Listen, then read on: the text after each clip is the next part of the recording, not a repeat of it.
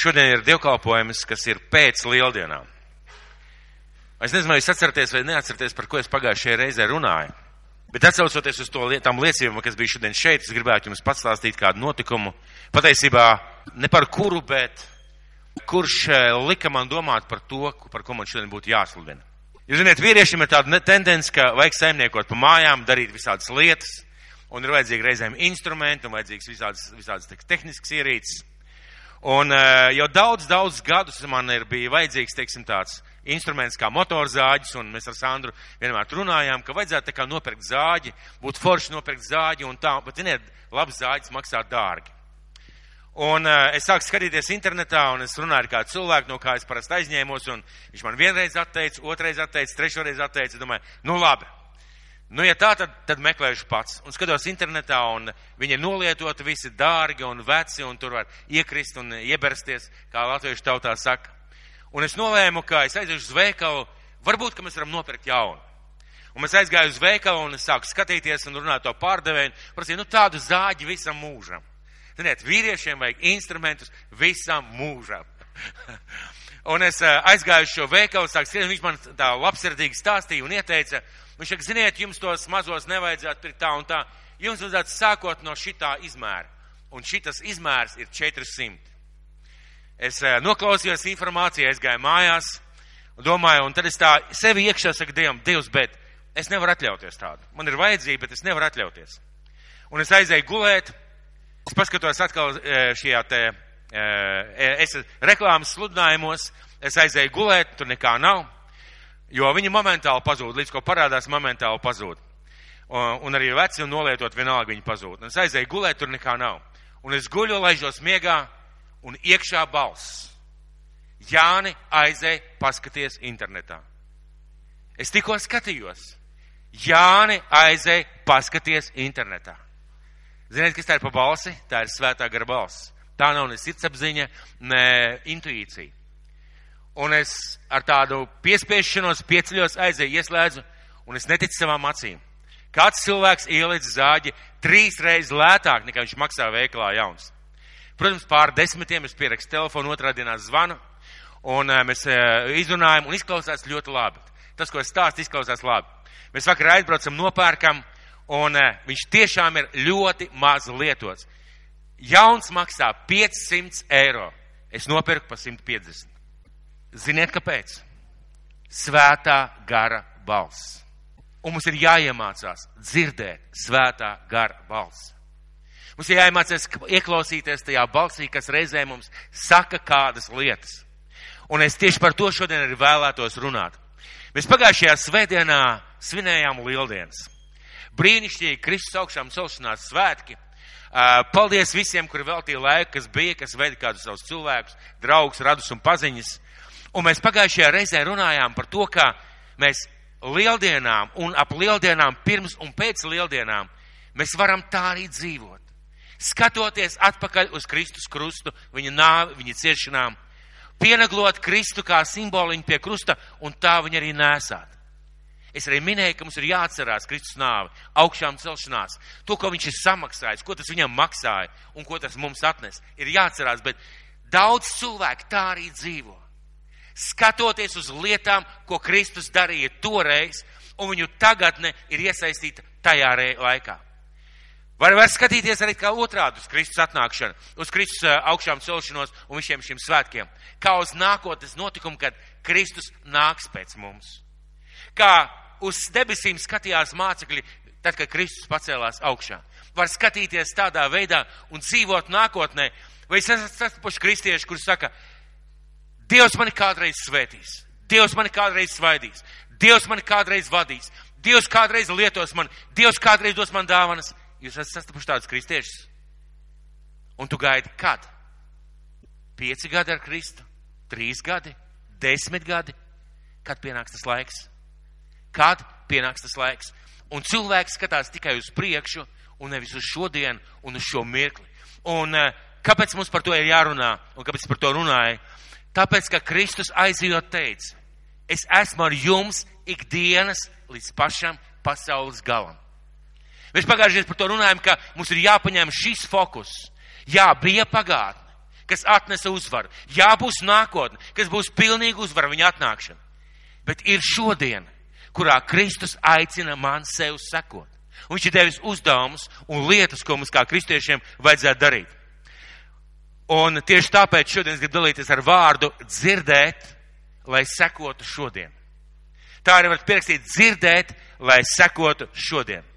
Un mēs varam šodien viņam sekot tāpēc, ka viņš teica, es esmu ar jums, un tāpēc, ka viņš teica, ka viņš būs mūsu vadītājs, skolotājs un uh, uh, palīgs. Cik svarīgi ir šodien dzīvot ar viņu, tas nozīmē ne tikai zināt, ka viņš mūs vada, ne tikai zināt, ka viņš ir kopā ar mums, bet dzīvot viņu ar personīgi tā, ka mēs varam saņemt vārdu no viņa.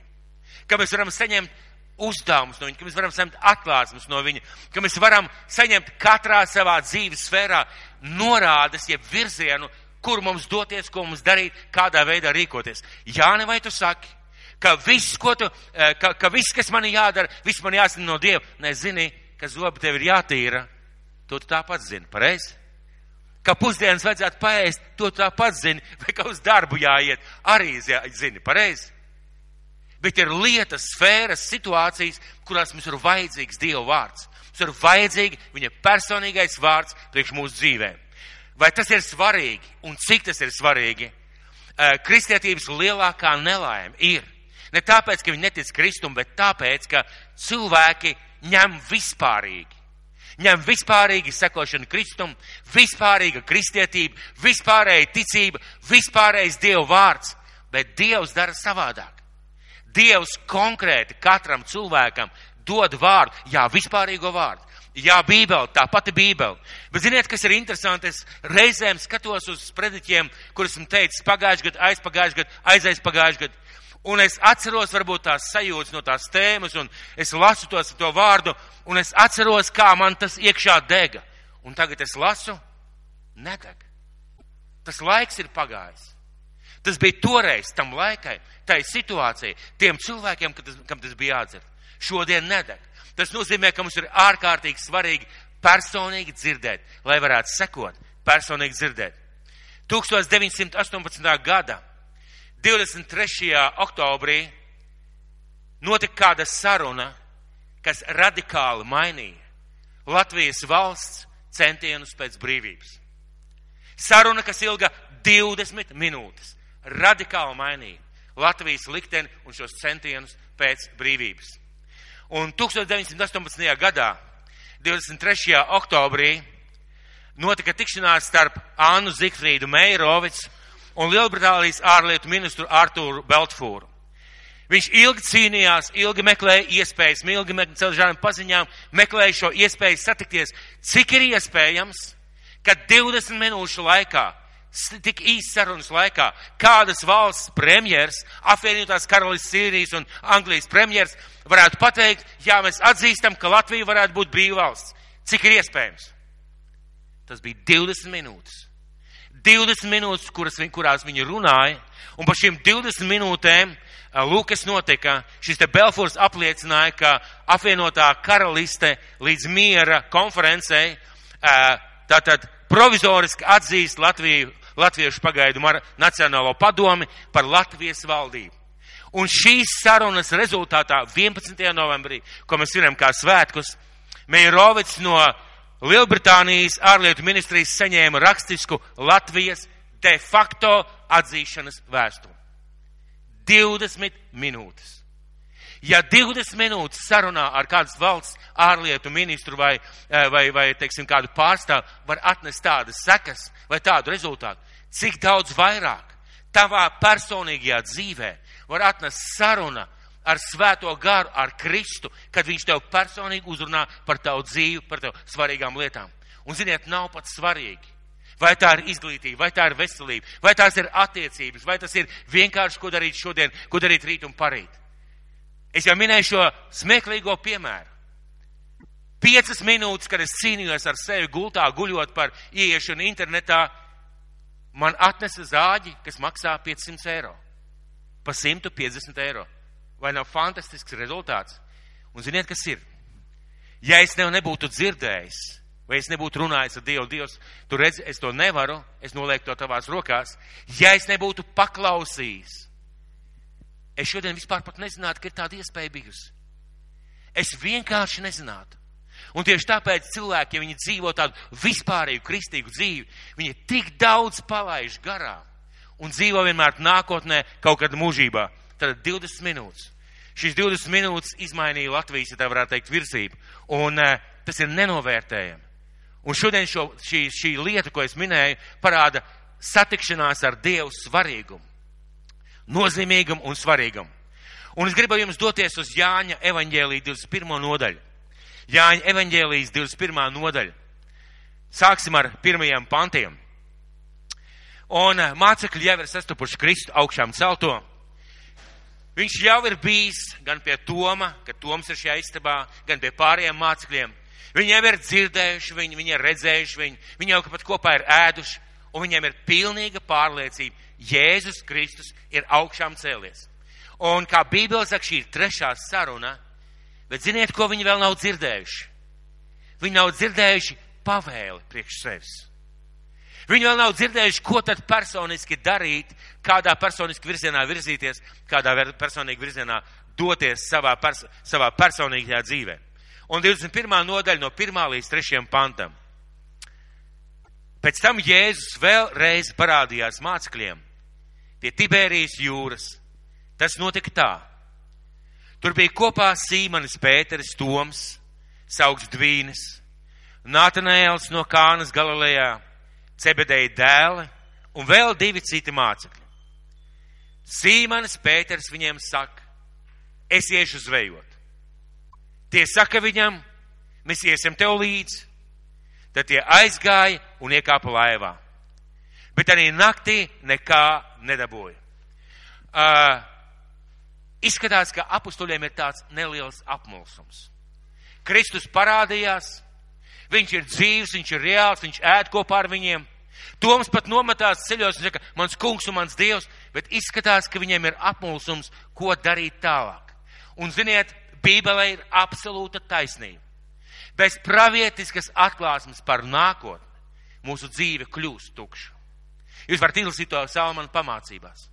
Cilvēkiem ir vajadzīga vīzija, vārds, atklāsme no Dieva par sevi, savu dzīvi, savu mērķi un savu uzdevumu. Ir vajadzīga šī atklāsme. Jā, Dievs to dažādā veidā dod un dažādā veidā atklāja, bet šiem mācekļiem viņi ir tāds neliels apjukums. Viņiem ir jāpabaro ģimenes, viņiem pašiem ir jāparūpējas par sevi, un viņi pa īstam nezina, ko darīt. Vai jūs spējat iedomāties, bet tiešām tā arī notiek. Mūsu dzīvē var būt tādi apmulsumu mirkļi. Vistrakākais, ja mūsu dzīve ir apmulsuma dzīve. Es kādā no dievkalpojumiem minēju tādu eh, Čikāgas piecīšu dziesmu, nezinu, vai jūs atceraties, kā pa miglu mana dzīve rit. Atcerieties, jā? Ja? Un iedomājies, kristietis, halleluja tev Dievs! Bet patiesībā, kā pa miglu mana dzīve rit. Kas būs rīt, kas būs parīt, kas to lai zina, Dievs tik to zina. Tā nav jābūt. Tā nav jābūt Dieva bērnam. Un mūsu dzīve var būt tāda apmulsuma dzīve, kad mēs nezinām īsti, ko mēs darām, kā mēs darām. Mūsu dzīve var būt tāda reliģiska, ja viņa ir tāda reliģiska, tad tādā veidā tas arī tā notiek. Mūsu dzīvē var būt tāda apmulsuma brīži, un ziniet, ka Dievs mums nepārmet.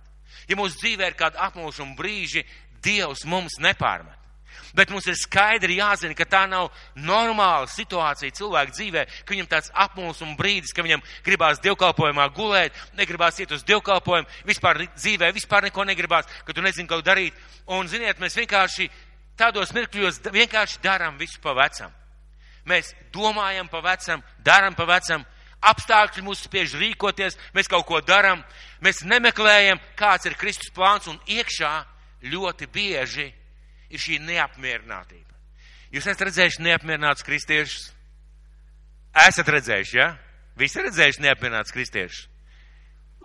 Paši esam tādi, ja? Bieži mēs esam tiešām tādi. Un paldies Dievam, ka ir šī saruna, šī sajūta, ka nav kaut kas kārtībā. Paldies Dievam. Bet iemesls ir, ka mēs nemeklējam, kāds ir viņa plāns manai dzīvei.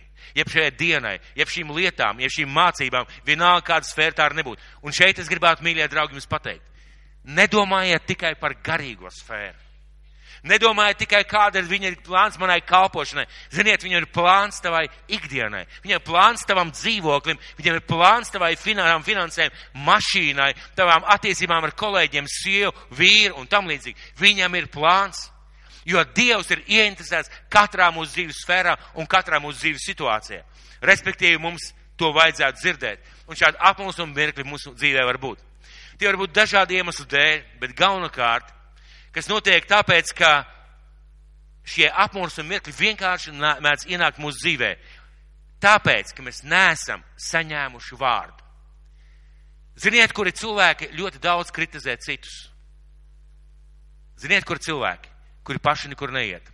Kā kādā skaistā, tiešām vērtīgā grāmatā par vīziju rakstīts, ka pirms tu dalies ar savu vīziju kādiem cilvēkiem, vai stāsti savus mērķus vai savus domas, esi pārliecināts par to pirmkārt, otrkārt dalies ar cilvēkiem, kuri spēj tevi atbalstīt, jo pasaulē ir ārkārtīgi daudz cilvēku, kuri nekur neiet.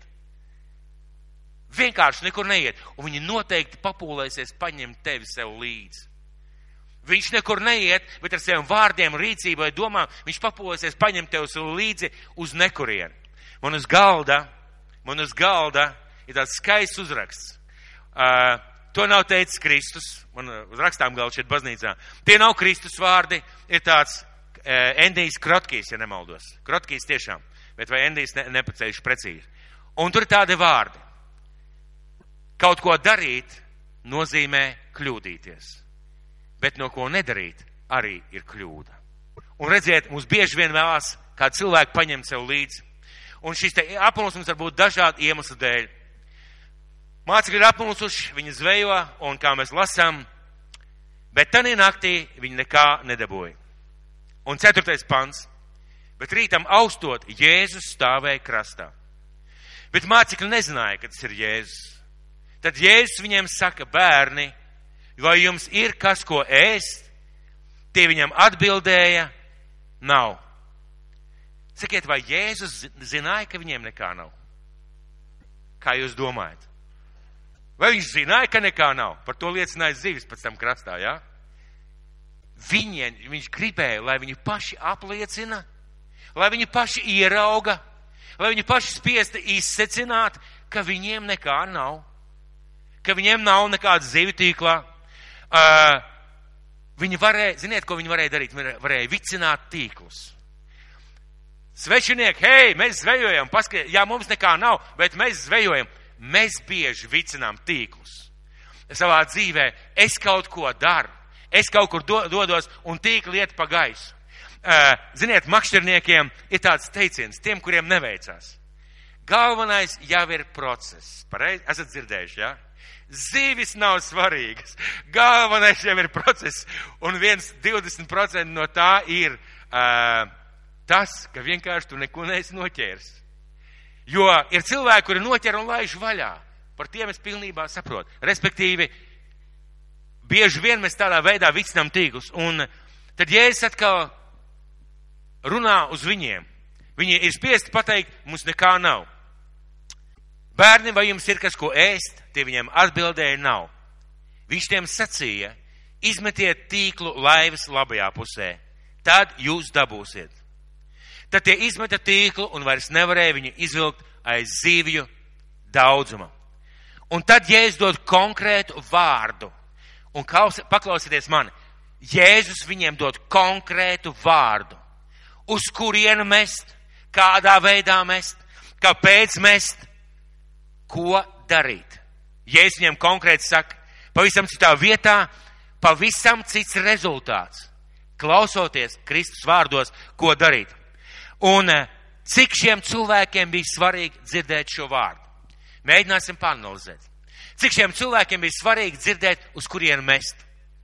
Es personīgi domāju, ja cilvēks visu nakti ir strādājis un viņš neko nav dabūjis, viņš ir diezgan sašuts un nobēdājies. Otrām kārtām, ja mēs skatāmies uz rezultātu, šiem cilvēkiem bija radikāli, es atkārtoju vēlreiz, radikāli svarīgi dzirdēt Jēzus vārdu. Jo tas, ka viņi dzirdēja, uz kuru pusi mest, nevis laivas pakaļgalā vai priekšgalā, bet pa labo bortu, tieši tas izmainīja lomu. Un viņiem tas ir jāpiefiksē. Kāpēc viņi uzkla paklausīja, nav rakstīts. Vai viņiem likās kaut kur jau dzirdēta šī pavēle? Vai viņiem vienkārši pēkšņi kaut kā likās, nu paklausīsim, jo viņi ir tikai kādus simts metrus no krasta. Esmu bijis pie Galilējas jūras un, protams, ka toreiz viņi bija savādāk, varbūt vairāk ūdens bija, bet simts metru no krasta tas nav daudz. Tas nav daudz, kurš zvejo simts metrus no krasta. Bet viņi paklausīja, un ja tagad tu būtu laivā, iedomājies, tu esi laivā, tu esi zvejojis visu nakti, un tu esi dzirdējis Jēzus vārdu, jeb vārdu met slavajā pusē, un tu iemet šo tīklu, un tu izvelc pilnu tīklu. Cik radikāli svarīgi tev liktos tas, ka tu dzirdēji, uz kurien mest. Kā tas ir mums? Ja mēs bieži kaut ko darām un nav tā kā gribētos, kāda bieži mūsu reakcija? Un pat ja ir kaut kas, vai tas varbūt ir tas labākais veids vai labākā lieta, ko mēs būtu varējuši izdarīt. Es biju kādreiz kādā kristīgā organizācijā vai draudzē. Neliela draudze un uh, viņiem tāda īpatnēja kalpošana, tiešām īpatnēja kalpošana, bet es teikšu svētīt kalpošana. Un es runāju ar tiem vadītājiem, tiem vadītājiem, tur kādi 20, 25 cilvēki šajā organizācijā, kas kalpoja. Un viņiem ir vārds mācītājs un uh, arī vadītājs, protams, vienlaicīgi. Un ziniet, kas šajā draudzē, jeb šajā grupiņā bija ļoti interesants. Viņi kalpoja Viņi kalpoja citām draudzēm, tāda Kristus miesas kalpošana, tā varētu teikt. Ziniet, ka šajā draudzē vai šajā organizācijā bija ļoti īpatnējs. Viņiem bija ik rīta sapulces. Ik rīta viņi kopā mājās pielūdz Dievu, sanāca kopā un veltīja kaut kādu pusstundu, stundu, lai, lai runātu, lai lūgtu Dievu, lai, lai runātu par to, ko uh, Dievs runājis. Un ziniet, kas bija interesanti? Es runāju ar vienu no šīm sievietēm. Viņa teica tā, es atbraucu no Lietuvas nevienas draudzes, laba, harizmātiska, brīnišķīga draudze, un es atbraucu kalpot, es sapratu, ka man tur jākalpo. Un, saka, un pirmais, kas mani šokēja, sanāk kopā no rīta mācītājs jautā, ko Dievs uz tevi šodien runāja? Un ko uz tevi runāja? Un ko uz tevi runāja?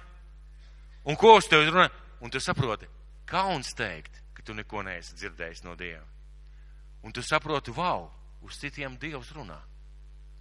Un tu sāc meklēt un prasīt Dievam, ko viņš tev grib tajā dienā pateikt. Un skatoties uz šo kāpošanu, es tiešām ieraudzīju, ka tie cilvēki bija kā, kā kāpotāji. Viņi bija kā, kā līderi, kā vadītāji. Viņi, viņi piedzīvoja Dievu, viņi zināja, ko viņi dara. Viņi zināja, kāpēc viņi dara. Viņiem bija tādas dziļas personīgas atklāsmes un saprašana par lietām, ko viņi darīja.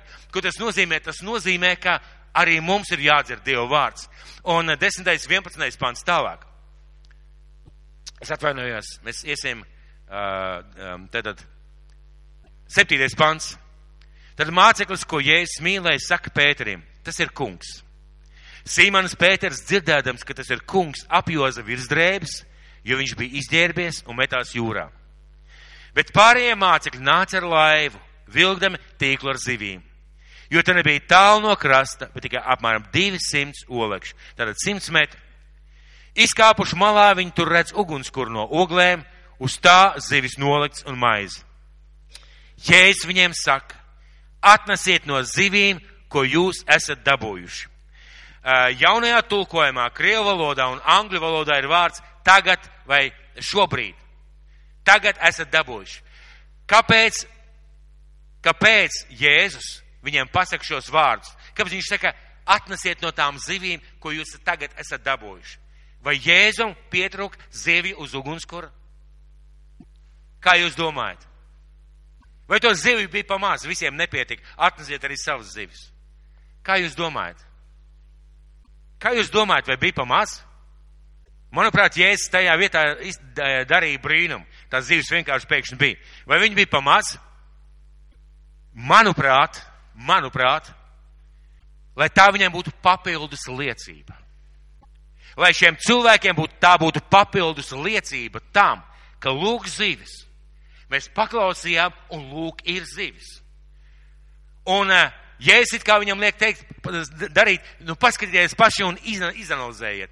Izanalizējiet. Jūs dzirdējāt, jūs paklausījāt iekšēji, tad jūs darījāt to, ko bija jādara, un lūk ir rezultāts. Atnesiet no tām zivīm. Bet pārējiem ātri nāca laiva, vilkdam tīklu ar zivīm, jo te nebija tālu no krasta, bet tikai apmēram 200 olekšu. Izkāpuši malā, malā, viņi tur redzēja ugunskura no oglēm, uz tās zivis nolikts un maize. Jēzus viņiem saka, atnesiet no zivīm, ko jūs esat dabūjuši. Tad Sīmens Pēters izkāpa malā, izvilka uz krasta tīklu pilnu ar lielām zivīm, kopā 153, lai gan viņi bija tik daudz, tīkls nesaplīs. Jēzus viņiem saka, nāciet un turiet azaidu. Un kā jau es minēju, manuprāt, Jēzus liek viņiem koncentrēties uz to, ko viņi dzirdēja, un uz rezultātu, ko viņi piedzīvo. Jūs dzirdējāt vārdu, jūs paklausījāt, jūs darījāt, un lūk, rezultāts. Lūk, cik tas jums bija svarīgi. Sakiet, ja mēs šodien tā tīri teorētiski teiktu, cik svarīgi ir dzirdēt Dievu vārdu katram? Svarīgi. Amen. Svarīgi. Cik Katram ir svarīgi paklausīt. Un, ziniet, paklausība ir iekšējā. Rīcība, tas jau ir rezultāts paklausībai. Paklausīt, noticēt, paklausīt. Pēc tam, cik svarīgi ir darīt, kā jūs domājat, cik svarīgi ir darīt? Cik svarīgi ir darīt to, ko tu esi dzirdējis no Dieva? Labi, atgriezīsimies pie muļķīgā piemēra par zāģi.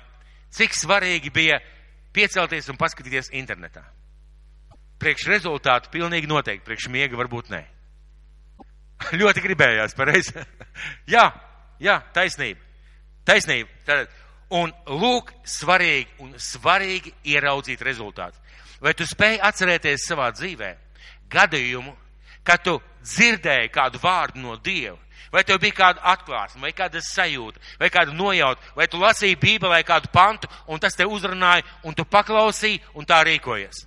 Vai šeit ir kāds cilvēks, kas tā ir piedzīvojis, ka ir bijis brīnišķīgs rezultāts? Droši. Es domāju, ka mēs visi varētu pacelt roku pareizi. Tad kāpēc mēs nekoncentrējamies uz to, lai mēs dzirdētu? Tad kāpēc mēs dzīvojam bieži vien šo virspusējo dzīvi? Jo tieši tur ir tā dzīvība - dzirdēt, saņemt un piedzīvot. Ko tas tev saka? Izdari visu, lai dzirdētu. Izdari savā dzīvē visu, lai dzirdētu. Pak, kad tu dzirdi, paklausi vārdiem, atklāsmei, bībeles vietai, kāda cilvēka vārdiem, izdari to, ko tev saka, un izanalizē, kāpēc tev veicās. Ziniet, viens no iemesliem, kāpēc es piecēlos tajā vakarā augšā, es esmu noķēris šo sajūtu sevī, šo svētā gara balsi. Daudzas, daudzas reizes un esmu redzējis, kā Dievs pārdeviskā veidā lieto tās situācijas, kurās esmu paklausījis. Man ir bieži gadījumi, kad es sēžu uz kāda jumta, kaut ko daru, un pēkšņi atnāk kāda doma par konkrētu lietu. Un es domāju, kāpēc es par to domāju? Kāpēc man vajadzēs to darīt? Man vajadzētu, tad man būs jāpiepūlās tur, tur, tur, tur un tur. Bet šī iekšējā sajūta, Jāni, ieklausies paiet pusgads, un tu vienkārši redzi, kā Dievs svētī. Tu vienkārši redzi, ka tas bija, ja nebūtu tās reizes paklausības, nu ne tikai nezinātu, ka šajā reizē, tu vienkārši nevarētu piedzīvot to, ko tu piedzīvo. Tas nozīmē, ka mums ir ārkārtīgi svarīgi izdarīt visu, lai mēs dzirdētu, lai mēs varētu paklausīt, izdarīt to, ko Dievs saka, un izanalizēt, kāpēc mums ķērās. Bet ziniet, bet ziniet, vēl tas nav viss. Mēs nedaudz pārlieksim pāri Jēzus sarunai ar Pēteri un sāksim no 15. panta. Kad viņi aizaida bija turējuši Jēzus saka Sīmanim Pēterim, Sīmani, Jāņa dēls, vai tu mani mīli vairāk nekā šie? Tas viņam saka, tiešām kungs, tu zini, ka es tevi mīlu.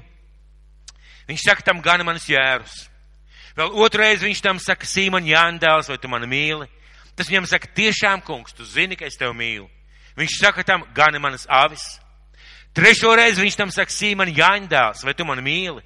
Pēters noskuma, ka viņš trešo reizi viņam sacīja, vai tu mani mīli, un sacīja viņam, kungs, tu zini visas lietas. Tu zini, ka es tevi mīlu. Ja es saka, gani manas avis. Pārleksim šiem pantiem pāri un lasīsim tālāk.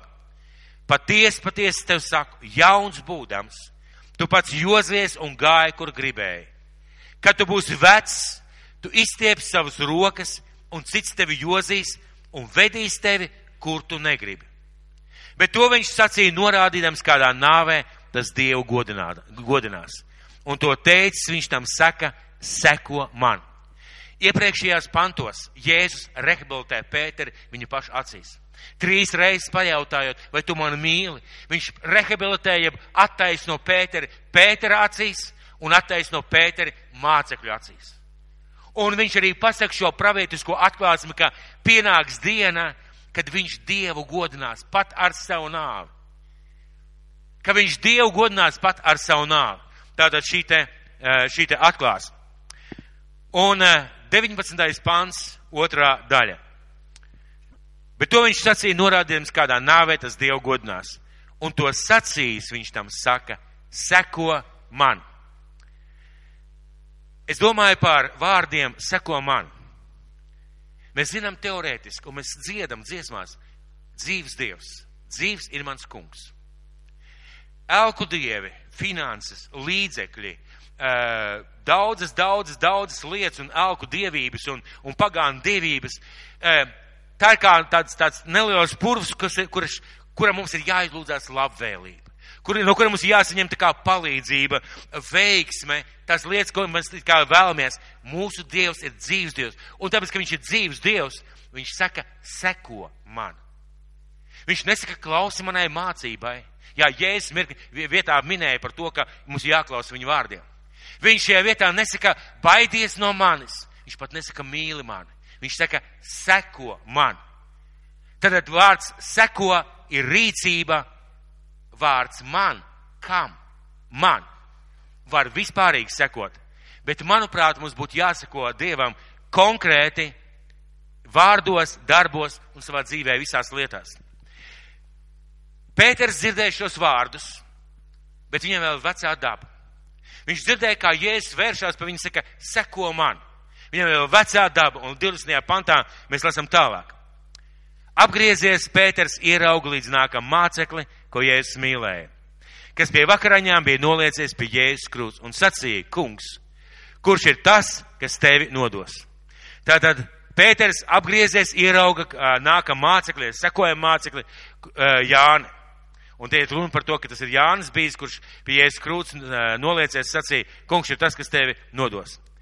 To ieraudzījis Pēters saka Jēzum. Bet kas būs ar šo kungs? To ieraudzījis. Viņš saka, bet kas būs ar šo kungs? Un Pēterim viņš redz, ka viņš viens pats neseko. Viņš redz, ka arī Jānis seko, un viņš skatās uz Jānu un saka, kungs, bet kas būs ar šo? Kas būs ar šo, uh, kas būs ar viņu? Mēs tā, mīļie, bieži skatāmies uz citiem cilvēkiem, kā citi rīkojas. Pēters ļoti skaidri dzirdēja pavēli - seko man. Viņš seko Kristum, un tad viņš paskatās atpakaļ, vai paskatās apkārt, un viņš redz kādus citus, viņš jautā, bet kas būs ar to? Mēs bieži vien tā skatāmies apkārt. Mēs skatāmies, kā citi rīkojās, un mēs nevis meklējam vārdu sev, mēs darām tāpat. Mēs skatāmies, kā citi rīkojās, un mēs bieži tiesājam. Mēs bieži tiesājam draudzi cilvēkus, viņi tādi vai tādi vai tādi, mēs bieži vien tiesājam, uh, mēs skatāmies uz citiem, mēs paaugstinamies. Es gan esmu labs, es gan ne tāds kā citi, vai mēs skatāmies uz citiem un mēs viļamies. Ziniet, vislielākā nelaime. Izteikti tāda liela nelaime ir viena problēma, kas notiek parasti, kad mācītājs aiziet. Es minēšu tādu ļoti triviālu piemēru mācītājs aiziet uz citu draugu vai beidz savu kalpošanu, vai aiziet, aizbrauc uz ārzemēm vēl kaut kur. Pusdraudze aiziet projām. Kāpēc? Mācītājs pakrita, pusdraudze aiziet prom. Kāpēc? Šai draudzē pēkšņi nav mīlestības vai kaut kādas problēmas, finansiālas vai kā cits problēmas. Pusdraudze projām. Kāpēc? Ja es skaidri pateicu, seko man.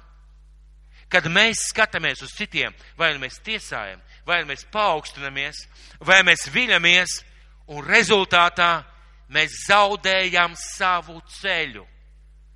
Mīļie, rezultātā skatoties uz citiem, mēs zaudējam savu ceļu. Es atceros kādu reizi, kad šeit mūsu slavētājs slavēja uz skatuves, un pēkšņi tas bija kāds pasākums, ja nemaldos, pārplīsa stīgas. Viena konkrēta stīga. Loģiski vajadzētu kāpt no skatuves nost, pareizi?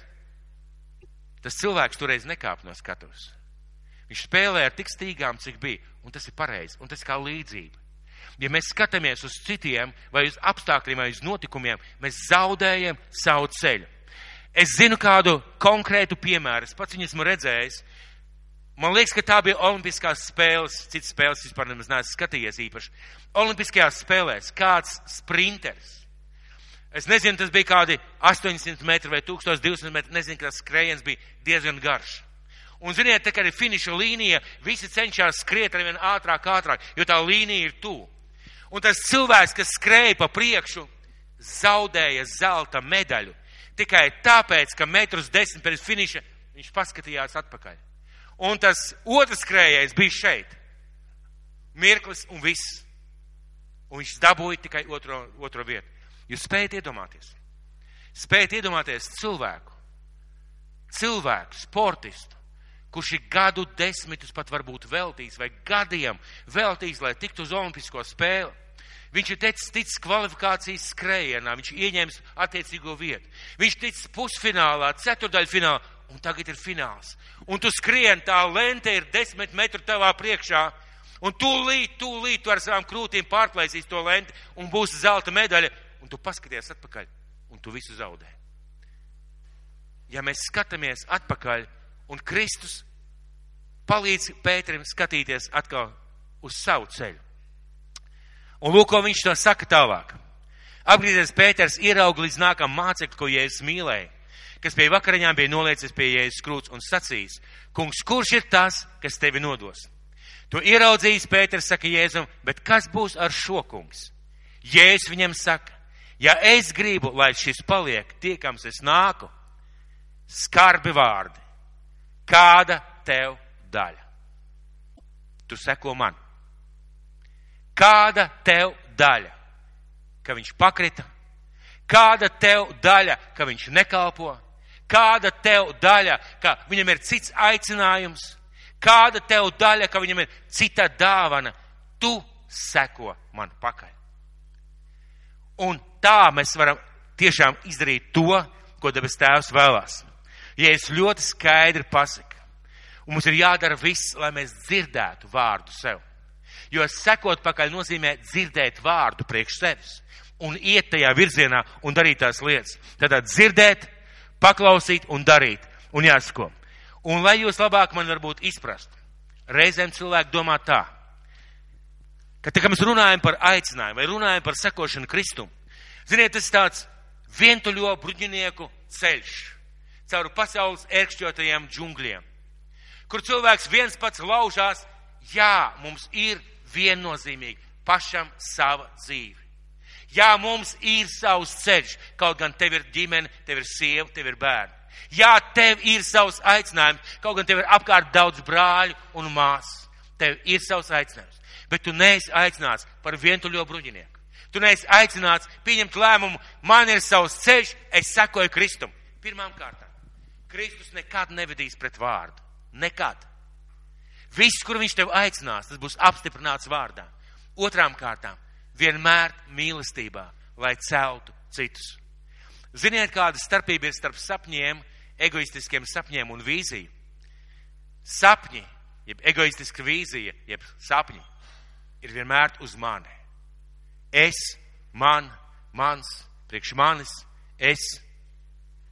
Vīzija vienmēr ja tā ir patiesa Dieva vīzija, viņa vienmēr ir vērsta uz cilvēkiem. Lai tu svētītu cilvēkus, lai tu kalpotu cilvēkiem, lai tu darītu kaut ko priekš cilvēkiem, priekš sabiedrības. Un ziniet, kad es domāju, kā man parādīt, kā man parādīt, ka mēs neesam vientuļie bruņinieki, bet ka tomēr mums katram ir savs ceļš, es kaut ko atradu. Kārtīga resna virve. Un ja mēs tagad uzmanīgi paskatāmies, Šeit varētu būt varbūt kaut kādi tūkstots diedziņi. Un katram tam diedziņam ir savs ceļš. Katram tam diedziņam ir sava nozīme šajā mezglā, šajā striķī. Un šis striķis ir tik stiprs, cik katrs diedziņš ir stiprs. Un šis striķis ir tik lietojams, cik katrs diedziņš ir ievērts tajā virzienā, kā viņš ir jāievēr. Un mūsu dzīve ir tāda, mīļā. Mūsu dzīve ir tāda, un tieši tāpēc Kristus saka, seko man pakaļ. Kāda tev daļa gar viņu? Bet, ziniet, lai sekotu, mums ir jādzird. Lai sekotu, auglīgi sekot, mums ir jādzird. Mums ir jādzird, kā dzirdēt, kā dzirdēt no Dieva, kā dzirdēt, ko Viņš tev saka. Mēs esam daudz dzirdējuši un esam runājuši par to, ka mums ir jādzird un kā dzirdēt par pieciem, pieciem pastāvības principiem un visām pārējām lietām. Bet es šobrīd gribētu tā nedaudz konkrētāk. Un es gribu jūs vest uz Mateja evaņģēliju. Mateja evaņģēlijas 26. nodaļa, 40. 41. pants. Tas ir stāsts par ģecemenes dārzu, par Kristus lūkšanu ģecemenes dārzā par mācekļiem, kas aizmigi. Un Mateja evaņģēlijas 26. nodaļa. 40. 41. pants.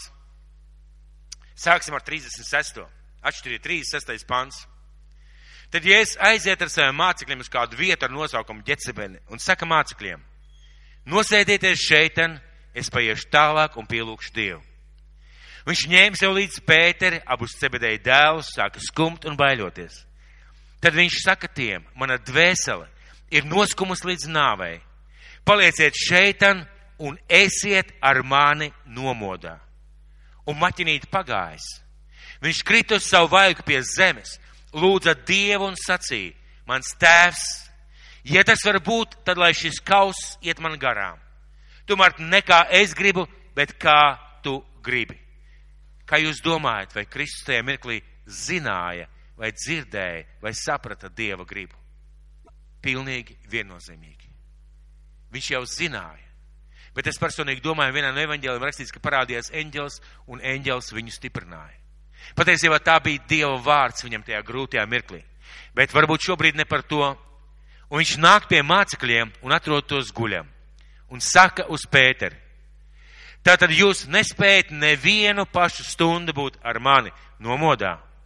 Esiet modrīgi un lūdziet Dievu, ka jūs neiekrītat kārdināšanā, gars ir gan labprātīgs, bet miesa ir vāja.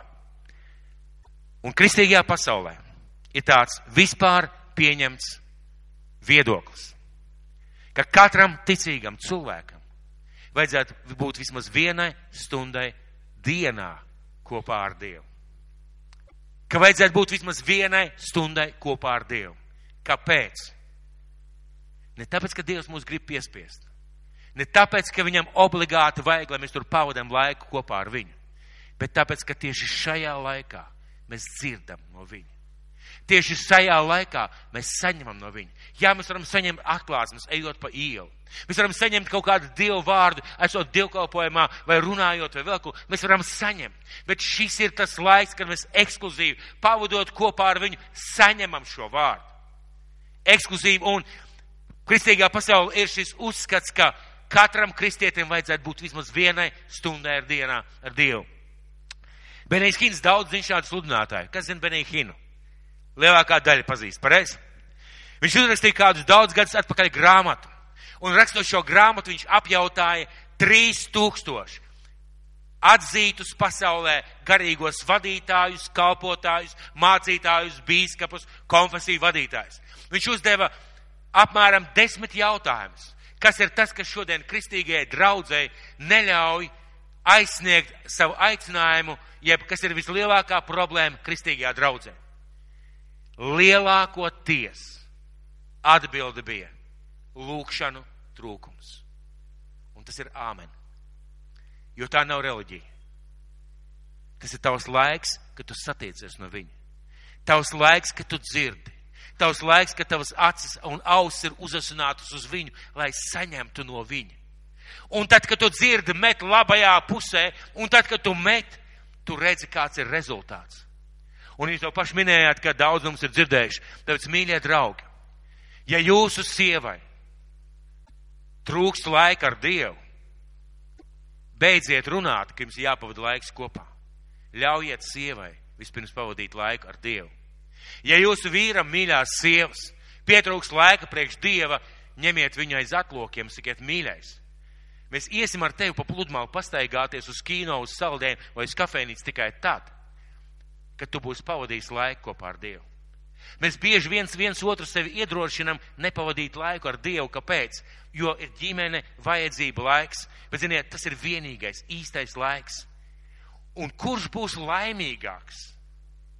Kura sieva būs laimīgāka? Tā, kurai Dievs, cilvē, cilvē, vīrs vienkārši staigās līdzi vai palīdzēs, vai būs svētība, vai tā sieviete, kuras vīrs pavadīs laiku ar Dievu rezultātā. Viņš spēs viņai kalpot daudz savādāk, precīzāk, labāk, pareizāk, dziļāk, ar lielākiem rezultātiem nekā, ja viņš to nedarīs.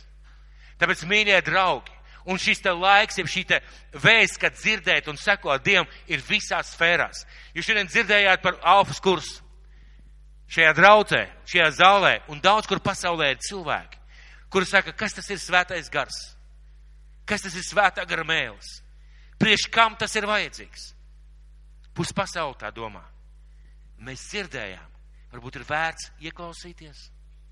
Mēs bieži dzirdam par to, ka ticīgam cilvēkiem ir jāslēdz uh, ūdens kristības ar Dievu, jāslēdz šī derība ūdens kristībās ar Dievu. Cik cilvēki saka, o nē, man pietiek. Mani bērnībā nokristīja, un esmu dzirdējis visādus interesantus gājienus, kā tas ir noticis. Vai jaunībā nokristīja, vai vienkārši es neko nesapratu un mani nokristīja. Bet jā, ar mani viss ir kārtībā, man ūdens kristības nevajag. Mums ir vajadzīgs, lai Dievs uz mums runā. Tieši tāpēc mums ir jāsaprot, ka mums ir jāveido šis laiks. Un mēs esam runājuši par to, ka mūsu draudzē mēs ejam uz to mīļie draugi. Un personīgi es esmu pilnīgi pārliecināts, ka tie ir Dieva griba, lai mūsu draudzes cilvēkiem kultūrā būtu, ka vismaz vienu stundu mēs pavadam dienā kopā ar Dievu. Jā, ne tas ir par daudz prasīts. Kas tā par prasību? Vismaz stundu. Vai tu būsi zaudētājs? Vai tavā dzīvē būs labākas lietas? Vai man ir jādomā par to, kā svētīt draudz, kā mācīt draudz? Un ja es šie vietā, viņi saka, jūs nespējat pat vienu, vienu stundu būt kopā ar mani. Un kā jau es teicu, kristīgā pasaulē ir vispār pieņemts tāds, tāds viedoklis, ka cilvēkam vajadzētu būt vienai stundai kopā ar Dievu. Kāpēc tas tik svarīgi? Kāpēc tas ir tik svarīgi? Ziniet, vai es esmu redzējuši kādreiz lielās lidmašīnas Boeingas? Es zinu, ka daudz brauc vērot lidmašīnas šeit pie uh, mūsu lidostas. Kurš tur ir bijis? Droši pats liet roku. Skaisti, pareizi. Vai tāda lidmašīna varētu nosēsties jūsu piemājas dārziņā? Jā, vienreiz. es negribētu būt tās lidmašīnas pilots, kura līga tu nosēdināt. Nevar, pareizi? Vai tāda lidmašīna var nosēsties vienkārši uz ceļa? Mēs filmās kādreiz skatāmies, ka piloti asi, narkomāni, narkodīleri un vispārējie nos, nosēdina cilvēkus uz ceļa, lidmašīnas uz ceļa. Es nezinu, bet lielās lidmašīnas nevar nosēsties uz ceļa. Un kāpēc es jums to stāstu? Redziet mūsu dzīve. Tātad Dieva vārds, Dieva atklāsmes, Dieva vēsts priekš tevis, kurā pusē mēs tīklu, jebkurā tavā dzīves sfērā, tas ir tur gaisā. Tas ir gaisā kā lidmašīna, kas lidinās virs tavas dzīves. Un Dievs gaida, ka tu uzbūvēsi lidlauku, lai tā lidmašīna varētu nosēsties lai tavā dzīvē varētu nosaisties atklāsme, lai tavā dzīvē varētu nosaisties vārds tavai dzīvē, lai tavā dzīvē varētu nosaisties saprašana, ko tev vajadzētu darīt. Bet, lai lidmašīna varētu nosaisties, lidlauks ir jāuzbūvē tikai tev. Kaimiņš nevar uzbūvēt un būv arhitekts arī nevar uzbūvēt. Tikai tu vari uzbūvēt. Tieši tāpēc tas nozīmē, ka mums ir gan vēsts, gan vārds, gan atklāsmes, mēs saņemam kaut kā lidmašīnas uz sava lidlauka. Tāpēc, mīļie draugi, sapratīsim, ka mūsu laiks, lai mēs sekotu Kristum, šodien viņš ir saistīts ar ārkārtīgi ar to laiku, ko mēs pavadām kopā ar Kristu savā lūkšana istabā. Tas ir pilnīgi viennozīmīgi saistīts viens pret vienu. Un ja es teicu saviem mācekļiem, es būšu ar jums līdz pašam pasaules galam, Viņš teica, ejiet un māciet visas tautas, sludinādam evaņģēlī. Viņš teica Pēterim, seko man, kas tev par daļu, kas notiek ar viņu. Un ziniet, lai jūs labāk saprastu, cik drauz, dramatiski ir skatīties uz citiem un pazaudēt savu ceļu. Kā liecību mēs varam izlasīt Jāņa evaņģēlija pēdējo šo te 23. pantu. Tā aizgāja šī valoda brāļu starpā. Šis māceklis nemirs. Bet viesis viņam nebija sacījis, viņš nemirs. Bet, ja es gribu, ka viņš paliek tiekams, es nāku, kāda tev daļa. Kad mēs skatāmies uz citiem, mēs zaudējam savu ceļu un mēs vienmēr kļūdamies. Kad mēs neejam pa savu ceļu, mēs vienmēr kļūdamies. Kad mēs nezinām, uz kuru pusi mest, mēs vienmēr nepiedzīvosim tos rezultātus, kurus mums vajadzētu piedzīvot. Vienmēr. Un tieši tāpēc izdari visu, lai dzirdētu. Izdari visu savā dzīvē, lai paklausīt. Izdara visu savā dzīvē, lai, lai darītu to, ko Dievs saka. Un izdara visu savā dzīvē, lai ķertu šo sajūtu. Lai izvērtētu, lai iztestētu, kā tas bija, ko tas atnesa. Jo tieši tas ir tavs piedzīvojums ar Dievu. Un tieši tas ir tas, kas palīdzēs tev dzirdēt, klausīt un ieguldīties. Un lai debes tēvs mūs svētī. Debes tēvs Paldies Tev, Kungs, par šo dienu, un paldies Tev, Tēvs, par Tavu vārdu. Mīļais Kristu, mēs Tev pateicamies, ka devi šo bausli, šo pavēlu, šo, šo savas gribas izpausmes seko man. Bet, mīļais Kristu, lai mēs Tev sekotu, mums Tev ir jādzird. Lai mēs nesteigātu vienkārši kā miglā, pašapmierināti un tumsā, mums Tevi, Kungs, ir jādzird. Mums ir jādzird Tava balss. Mums ir jādzird tava griba, tēvs. Mums ir jādzird tavs ceļš. Kungs, un es tev pateicos, ka tu ikvienam dod bagātīgi, nepārmestams. Kungs, tu vēlies dot ikvienam bagātīgi, nepārmestams. Mīļais, svētais gars. Es lūdzu, mans kungs, ved mūsu draudz dziļumā. Kungs, ved ikvienu personīgi dziļumā, kā šo diedziņu šajā virvē Kungs ved uz mums, uz tām vietām, kur mēs dzirdam, kur mēs iemācāmies dzirdēt, kur mēs iemācāmies saklausīt, kur mēs iemācāmies pavadīt laiku kopā ar tevi. Kungs Jēzu, tu negribi, lai mēs skatāmies apkārt, lai mēs skatāmies uz citiem, lai mēs skatāmies un domājam par citiem. Tu vēlies, kungs, lai mēs skatāmies pirmām kārtām uz savu ceļu, bet kopā ar tevi, Jēzu. Tajā virzienā, kur tu ej ka mēs varam darīt tās lietas, kuras tu gribi, lai mēs darām. Ka mēs varam kalpot tādā veidā, kā tu gribi, lai mēs kalpojam. Ka mēs varam strādāt tajā vietā, kur tu gribi, lai mēs strādājam. Ka mēs varam mācīties tajās skolās, kuras tu gribi, lai mēs mācāmies. Ka mēs varam būt kopā ar cilvēkiem, kurus tu ieliec mūsu sirdī un mūsu dzīvē.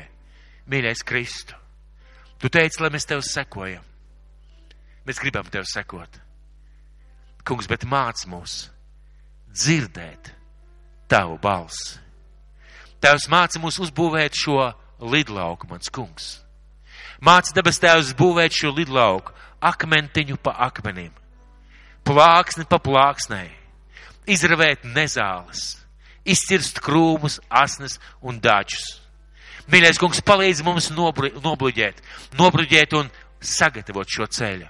Un svētais gars, lai mūsu dzīvē nāk tavas atklāsmes, tava klātbūtne. Un lai mēs šodien, šeit un tagad, tev sekot tēvs Jēzus Kristus vārdā.